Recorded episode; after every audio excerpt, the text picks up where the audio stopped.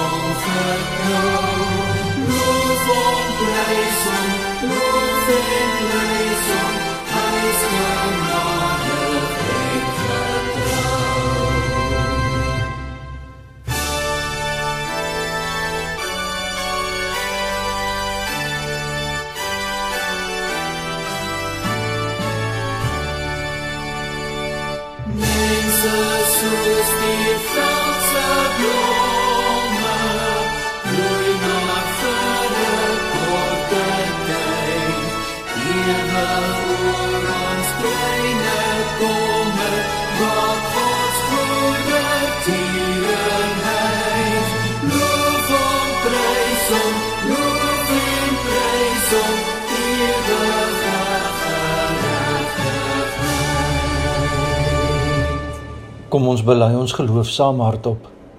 Ek glo in God die Vader, die Almagtige, die Skepper van die hemel en die aarde, en in Jesus Christus, sy eniggebore Seun, ons Here, wat ontvang is van die Heilige Gees, gebore is uit die Maagd Maria, wat gelei het onder Pontius Pilatus, gekruisig is, gesterf het en begrawe is en ter helle neergedaal het, wat op die 3de dag weer opgestaan het uit die dode, wat opgevaar het na die hemel en sit aan die regterhand van God, die almagtige Vader, van waar hy sal kom om te oordeel die wat nog lewe en die wat reeds gesterf het. Ek glo in die Heilige Gees. Ek glo in 'n heilige algemene Christelike kerk, die gemeenskap van die heiliges, die vergifnis van sondes, die opstanding van die vlees en 'n ewige lewe. Amen.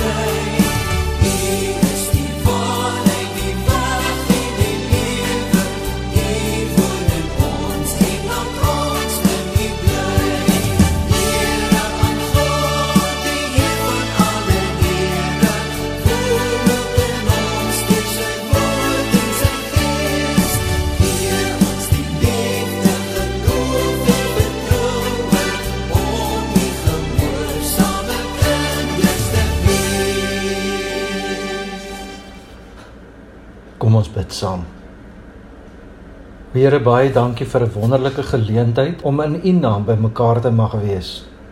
Al is ons ver van mekaar af, U is hier by ons. Al sien ons mekaar nie, U verbind ons aan mekaar. Dankie waar U sê dat waar twee of meer in U naam by mekaar is, daar is U ook. Daarom weet ons Here, U is op hierdie oomblik hier by ons. Help ons dan Here dat U woord vir ons oopgebreek sal word, dat ons sal verstaan dat ons sal groei. Raak my aan Here deur die Heilige Gees sodat ek op hierdie oomblik in U teenwoordigheid mag wees. Amen. Ons lees saam met Johannes 8 van vers 1 af. Die volgende môre vroeg was hy weer in die tempel en die hele volk het na hom toe gekom. Hy het gaan sit en hulle geleer. Die skrifgeleerdes en die fariseërs bring toe 'n vrou wat op oorspel betrap is en laat haar in die middel van die kring mense staan. Hulle het vir hom gesê: "Meneer, hierdie vrou is op heterdaad betrap waar sy oorspel gepleeg het. Moses het ons in die wet beveel om sulke vrouens te stenig, maar u, wat sê u?" Dit het hulle gevra om hom uit te lok sodat hulle iets kon kry waaroor hulle hom kon aankla. Maar Jesus het gebuk en met sy vinger op die grond geskrywe. Toe hulle aanhou om hom te vra, het hy regop gekom en vir hulle gesê: "Laat die een van julle wat 'n skoon gewete het, eers 'n klip op haar gooi." Daarna het hy weer gebuk en op die grond geskrywe. Toe hulle hoor wat hy sê, het hulle een vir een begin wegloop, die familiehoofde eerste. Jesus is alleen agtergelaat saam met die vrou daar in die middel van die kring mense. Toe het hy regop gekom en vir haar gesê: "Mevrou, waar is hulle?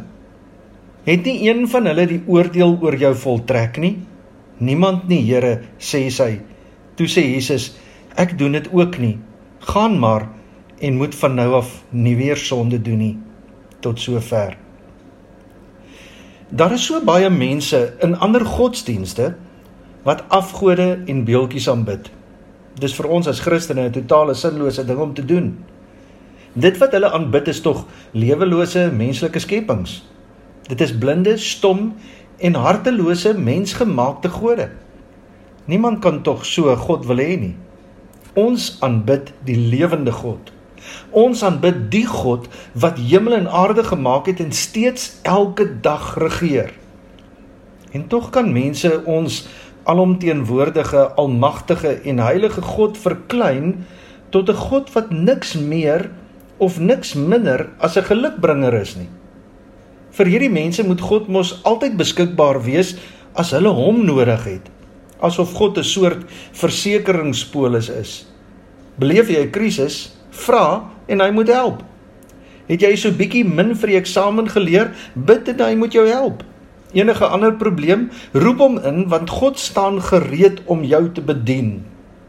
Dit is hoe baie mense hom sien.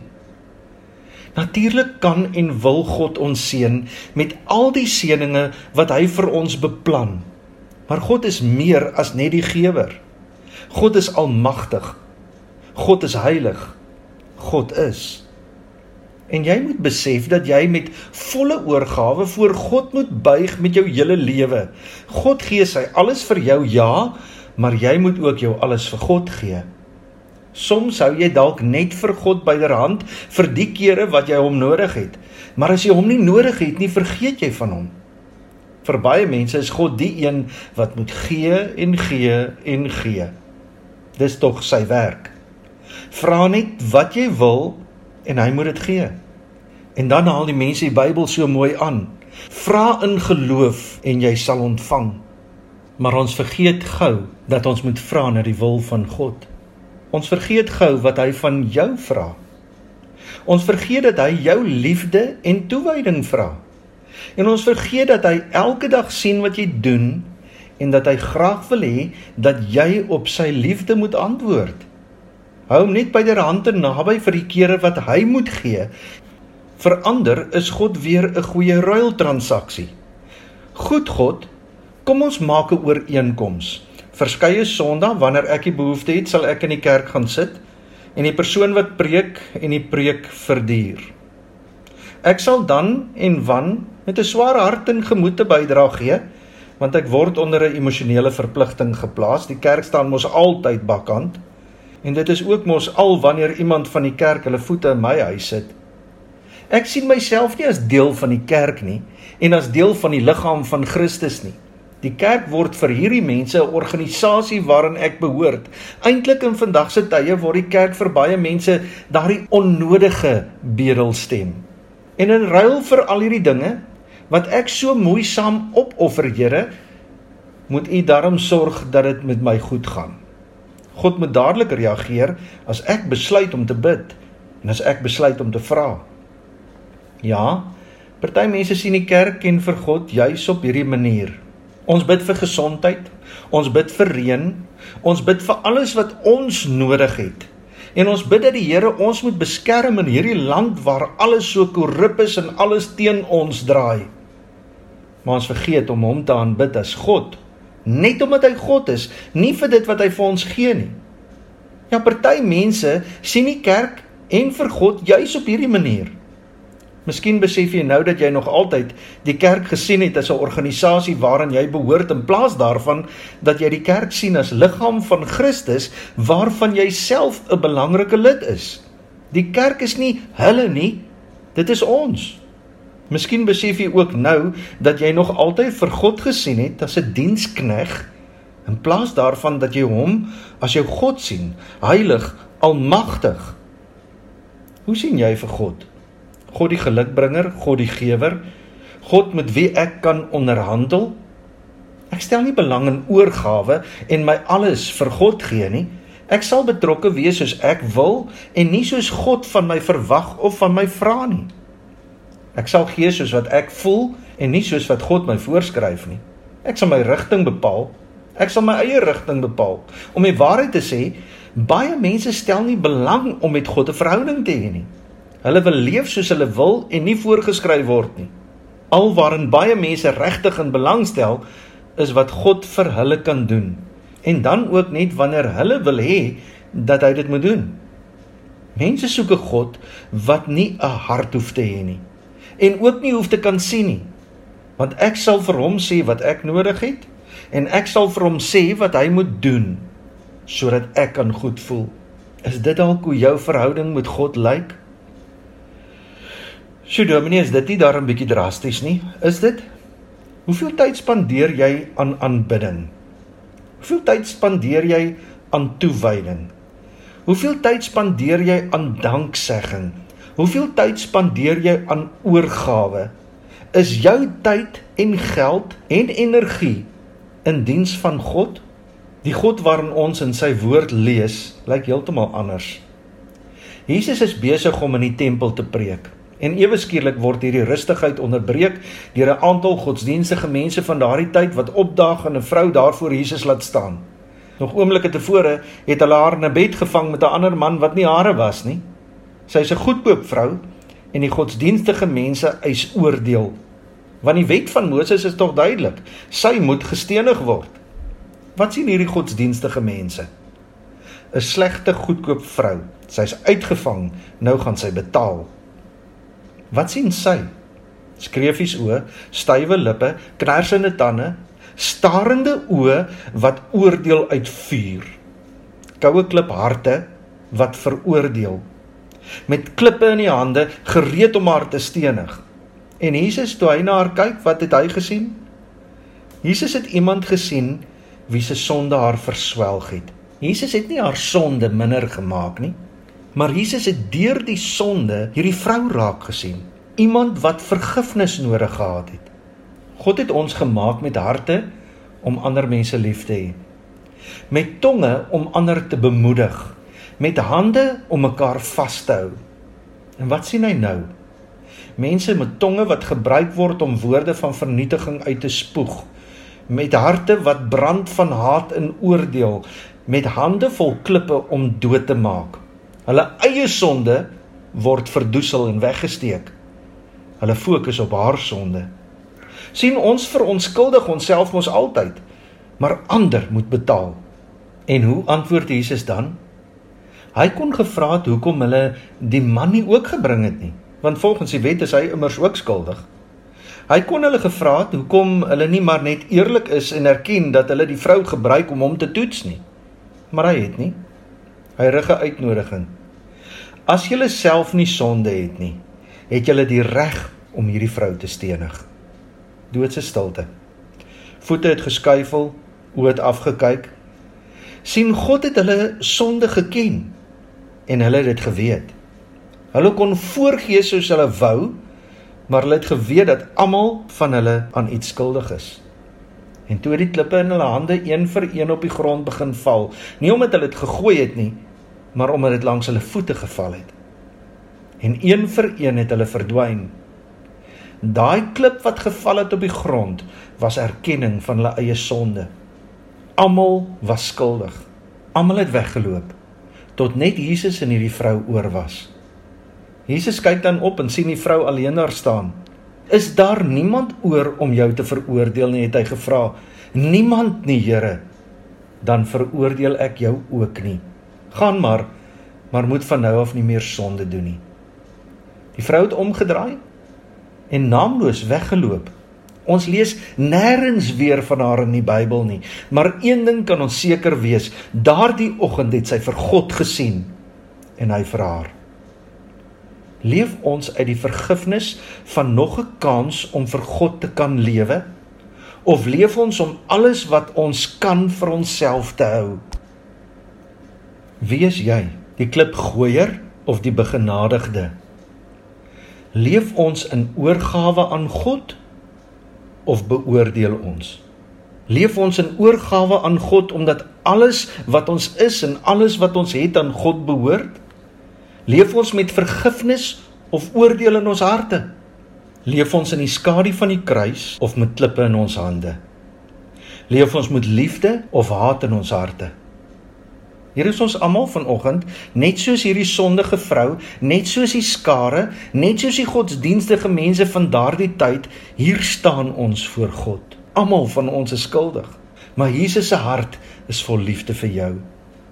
Jesus sien jou anders as wat ander mense jou sien.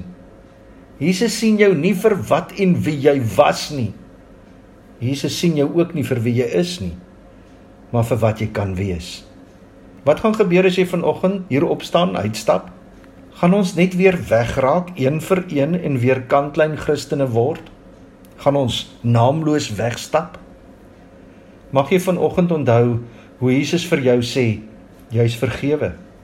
Ek maak jou nuut gaan gaan probeer weer en moenie weer sondig nie. Vir my persoonlik bly een vraag onbeantwoord. Hoe kan iemand wat skuldig voor God gestaan het en wat die vergifnis ontvang het, hier weer wegstap asof God hom of haar nie verander het nie, nie vergewe het nie? Kom ons bid saam. O Here, elkeen van ons staan skuldig voor U. Almal van ons is sondig. Almal van ons is in ons harte selfsugtig en op onsself gerig, konings van ons eie lewens. Here, ons oë is toe vir die mense rondom ons. Ons sal nog gee, maar eintlik gee ons met voorwaardes. Eintlik, Here, as ons vergewe, is dit met voorwaardes. Eintlik, Here, wil ons die klippe gooi, die klippe van veroordeling. Die wat verkeerd gedoen het, moet daarvoor gestraf word, solank dit net nie ons is nie. Dankie Here dat U opstaan en dat U vir ons die kruis gee. Dankie Here dat U in ons harte inkyk en sê ek vergewe jou ook. Help ons dan Here om op te staan in ons verlossing en te kan weet U het ons vrygekoop, maar U het ons ook vrygekoop om te vergewe. Help ons dat ons ander mense sal sien soos U hulle sien. Nie omdat hulle sondeloos is nie, maar omdat U bloed ook vir hulle gevloei het. En daarom Here, wees ons genadig. Wees ons genadig, Here, want in onsself is ons verlore. Wees ons genadig, Here, om nie te veroordeel nie, maar om te vergewe. In hierdie moeilike tyd in ons land waar daar soveel haat is, soveel rassehaat is, soveel seer is, soveel politiek is, Here, wees ons genadig. Heer, wees ons genadig. Heer, wees ons genadig. Heer, wees ons genadig.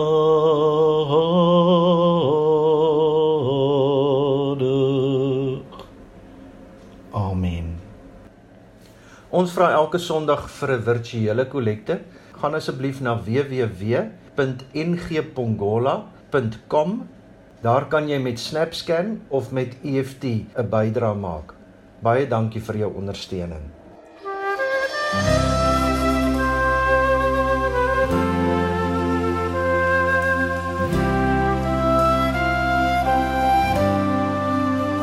As ek die hemel aanskou, die werke van die vingers, maar die sterre aanskou, dan voel ek so gering hier.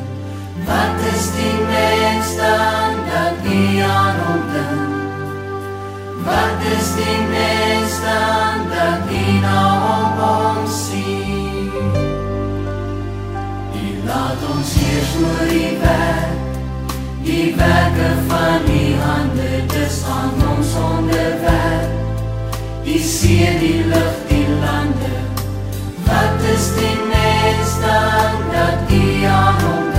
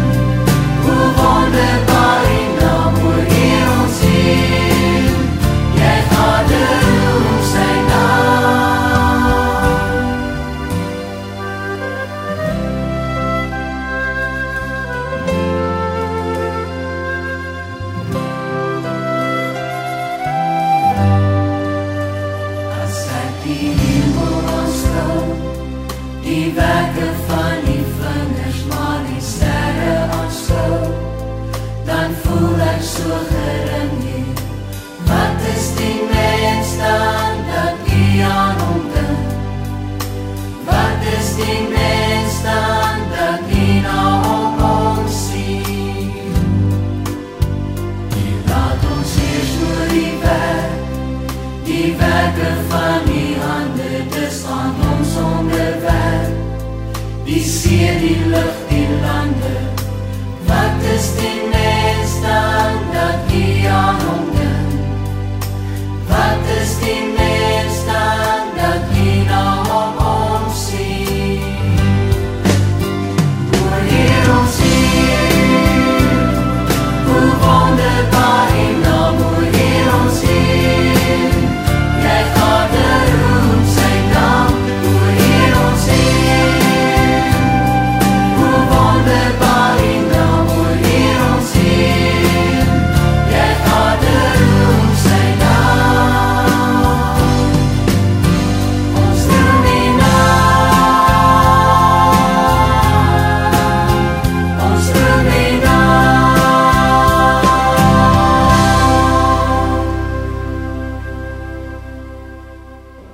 sal julle seën en julle beskerm.